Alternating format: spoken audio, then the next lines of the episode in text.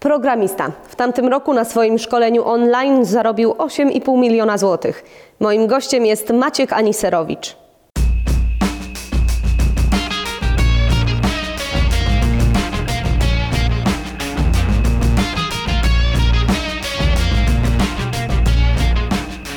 Angelika Wiergus-Lech, zapraszam na program Kulisy Sukcesu. Maćku, na początku powiedz, jak ty definiujesz sukces? Czym dla ciebie jest? Sukces osią- osiągnąłem e, moim zdaniem w momencie odejścia z pracy i sukcesem dla mnie jest każdy dzień, kiedy nie muszę do pracy dla kogoś etatowej wracać. To jest dla mnie definicja sukcesu zawodowego. Byłeś wcześniej programistą. Tak, Później, co się stało, że zarobiłeś 2 miliony 200 tysięcy złotych w jeden dzień? tak. E, Sprzedałem dobry produkt dobrym ludziom po dobrej cenie. Co E, to było? To był program online do nauki dla architektów oprogramowania, przygotowany przez najlepszych specjalistów i mieliśmy trzech mentorów, którzy przygotowywali ten program merytorycznie, a ja zajmowałem się stroną sprzedażową, marketingową. I tak pykło. No i ten program trwał kilkanaście tygodni. Osoba mogła... 19, tak. Właśnie. E, powiedz mi w takim razie, ile osób wzięło udział w tym szkoleniu?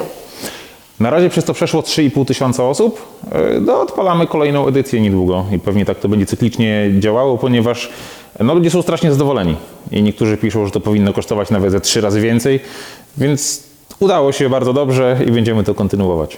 No ale to dlaczego w takim razie zostawiłeś zawód programisty? Dobrze prosperująca praca, dobrze płatna, a ty zdecydowałeś się na postawienie kroku w trochę inną stronę.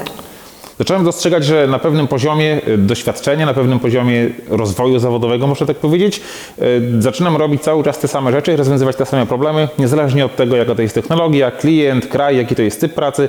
Zaczęło mnie to po prostu nieco nużyć. I lubiłem tak sobie czasem postawić jakieś nowe wyzwanie, jakiś zupełnie nowy obszar zeksplorować, więc zwolniłem się z pracy i postanowiłem, że utrzymam się z bloga w IT, co wtedy wydawało się niemożliwe, no, ale, ale wyszło. Maćku, to powiedz w takim razie, jak docieraliście do tych ludzi, sprzedając wasz produkt. Mm, Przede wszystkim trzeba mieć dobry produkt, którego się jest pewnym. W naszym przypadku, przy tym najbardziej spektakularnym wyniku, e, produktu jeszcze nie było, a już pojawiły się świetne wyniki. No właśnie, bo to też warto powiedzieć. Ty powiedziałeś, że będziesz robił szkolenie, szkolenia jeszcze nie było, a ludzie wpłacali już pieniądze. Tak, powiedziałem, że będzie szkolenie, które nie będę robił ja. Nie wiadomo do końca, co tam będzie, nie wiadomo do końca, kiedy ono wyjdzie, ale że będzie super. I tak, i ludzie zaufali nam, n- naszej czwórce.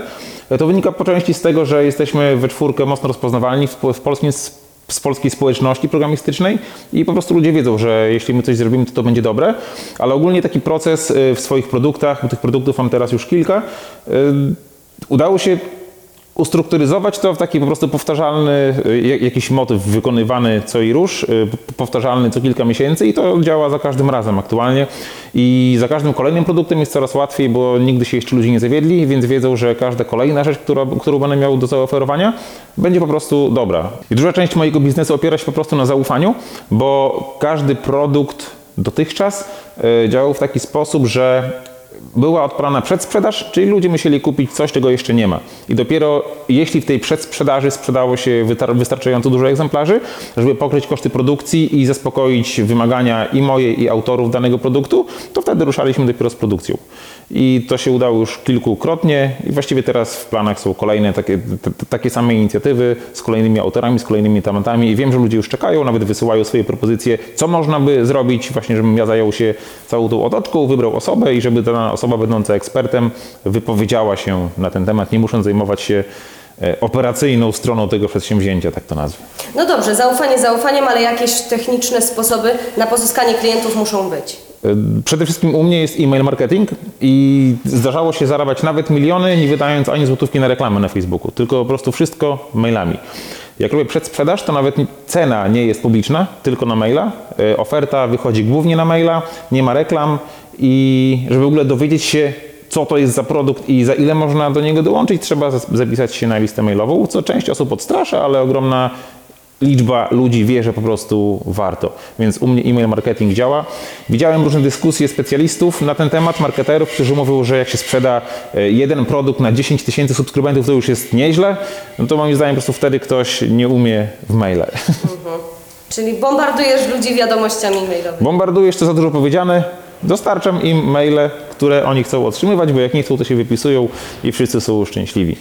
Taki wy- wynik największy miałem w czerwcu rok temu, gdzie był sam e-mail, 100%, 100% e-mail i odpowiednio dobrana baza mailingowa, składająca się wtedy chyba z 4,5 tysiąca osób, która wygenerowała w sumie ponad 2 miliony w ciągu półtora tygodnia. Jakoś tak to było. No właśnie, o olbrzymich kwotach e, w przypadku Twoim rozmawiamy. Tak samo Twoja książka, którą wydałeś, też przyniosła Ci dużo pieniędzy. Książka w sumie do, do tej pory w ciągu dwóch lat sprzedała się za około pół miliona. Więc to jest to zdecydowanie większy wynik niż zakładałem pisząc w ogóle ją, e, ale zdecydowanie jestem zadowolony. Książka była u mnie moim pierwszym płatnym produktem, takim dostępnym dla każdego, poza drugimi szkoleniami, które wcześniej prowadziłem w firmach. I to było moje takie wejście w świat e-mail marketingu połączonego z ze sprzedażą po prostu, z braniem od ludzi pieniędzy, co było samo w sobie bardzo stresujące. No i ten krok trzeba było po prostu jakoś, ten, ten, ten strach w sobie trzeba było przełamać, żeby wykonywać potem dalsze działania. Ja tylko dodam, że te książki Maćka będą do wygrania u nas w konkursie na Instagramie. Maćku, wracając do tematu. Twój sposób na sukces to. Co uważasz, że przesądziło o tym, że Tobie się udało? Dużą Barcelonę przykładamy do dużych pieniędzy, które moim zdaniem wcale nie muszą jakoś tam specjalnie zmieniać życia i to nie jest to, do czego ja dążyłem. To wyszło tak przy okazji, można powiedzieć.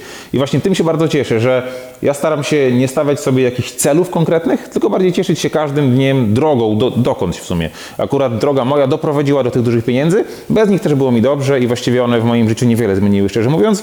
Wiem, że gdzieś tam dalej czają się jeszcze większe, bo w sumie już wiem, jak to się robi, więc prawdopodobnie będzie, te wyniki będą jeszcze lepsze, ale nie idę teraz po nie, tylko idę po robienie fajniejszych jeszcze rzeczy, które mi sprawiły jak najwięcej satysfakcji. Więc przede wszystkim powiedziałbym chyba, że wytrwałość i robienie swojego bez oglądania się na, na boki. Mhm. Ty chłopaku z Podlasia, powiedz ty mnie jeszcze, e, zanim to wszystko się zaczęło, byłeś programistą, dużo czasu spędzałeś e, na nauce. Mówiłeś w wielu wywiadach, że nawet 16 godzin dziennie uczyłeś się.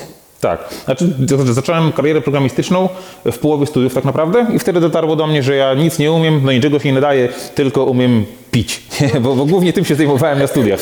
I jakoś tak w połowie studiów, no właśnie, jakoś tak w połowie studiów coś mnie tknęło, że w sumie to ja bym sprawdził swoje umiejętności programistyczne, skoro już jestem w połowie bycia magistrem praktycznie, no i się okazało, że nie umiem nic tak naprawdę, więc gdybym miał iść szukać pracy, to, to, to, to chyba tylko na, na, na budowie jako robotnik fizyczny i to akurat z tym nie było też najlepiej, więc po prostu zacząłem się mocno uczyć. I to faktycznie przez potem kolejne lata uczyłem się po 7 dni w tygodniu, po kilkanaście godzin dziennie. I zanim jakiekolwiek pieniądze przyszły, to minęło ponad dwa lata, bo ja przez pierwsze te dwa lata nauki, czy nawet więcej, to uczyłem się po prostu robiąc projekty za darmo, e, uczestnicząc w ciekawych inicjatywach, które nie płaciły, ale dawały jak najwięcej doświadczenia.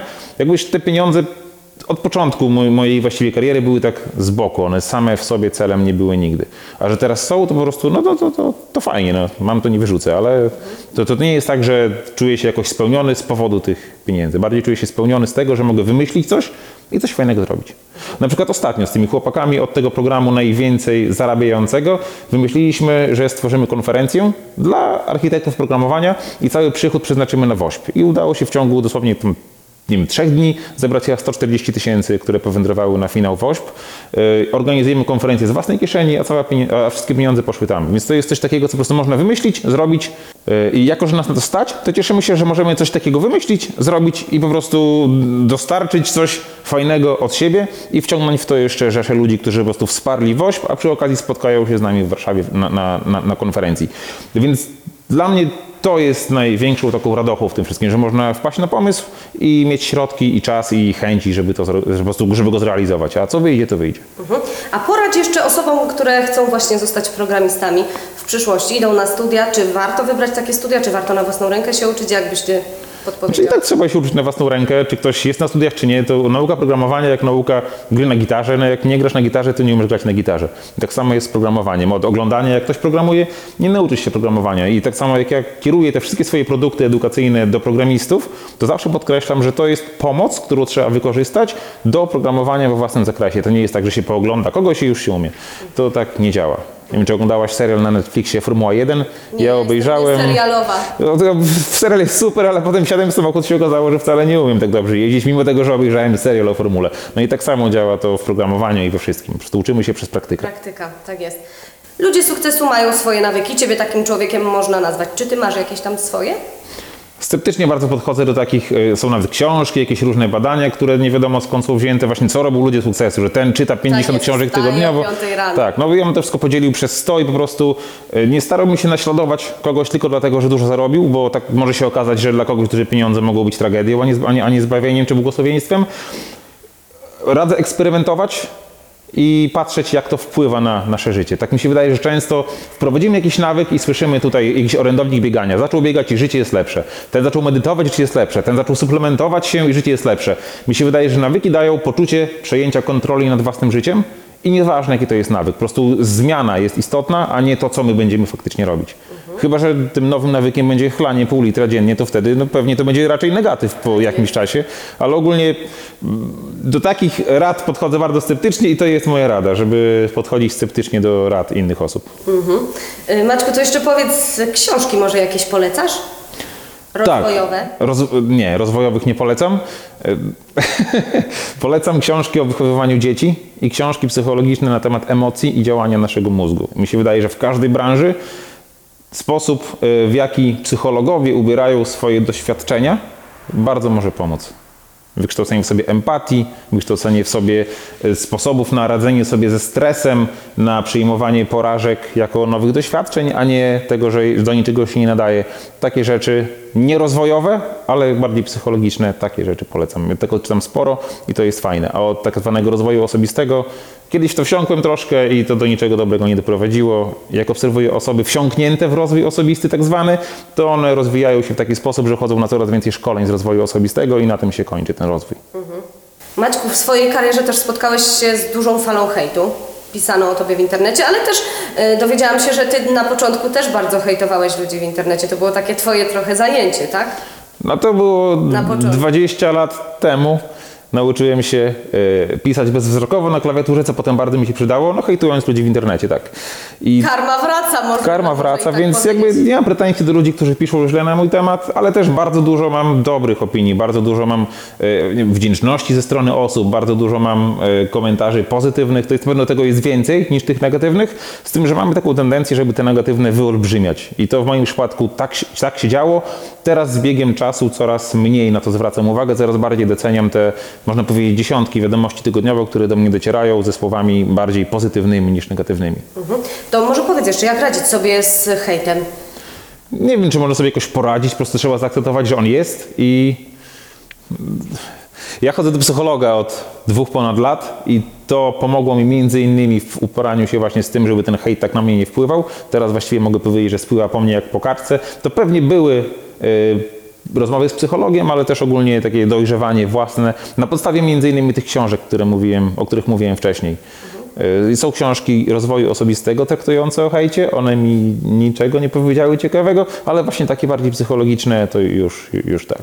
No to w takim razie e, jakieś przykłady e, po spotkaniach z psychologiem, z tych książek, jak sobie poradzić e, z negatywnymi opiniami na nasz temat. Warto dojść do przyczyny, dlaczego to nas boli. Warto zrozumieć, że to jest problem tej osoby, a nie nasz. W takim sensie, że ta osoba pisze to nie konkretnie do nas, a po prostu do kogoś z internetu. I nie ma znaczenia dla niej, czy to będę ja, czy to będziesz ty, czy to będzie ktokolwiek inny. Więc jeśli zrozumiemy, że faktycznie taki jest, że to nie jest moja wiara, to jest moja wiedza, że taki jest, że ta osoba swoje kompleksy w taki sposób e, jakoś, jakieś swoje defic- deficyty uzupełnia, tak jak ja uzupełniałem swoje te 20 lat temu, to wtedy zupełnie inaczej się na to patrzy, z innej takiej perspektywy, że to jest coś obok mnie tak naprawdę. I wtedy po prostu banik, daletę i, i tyle.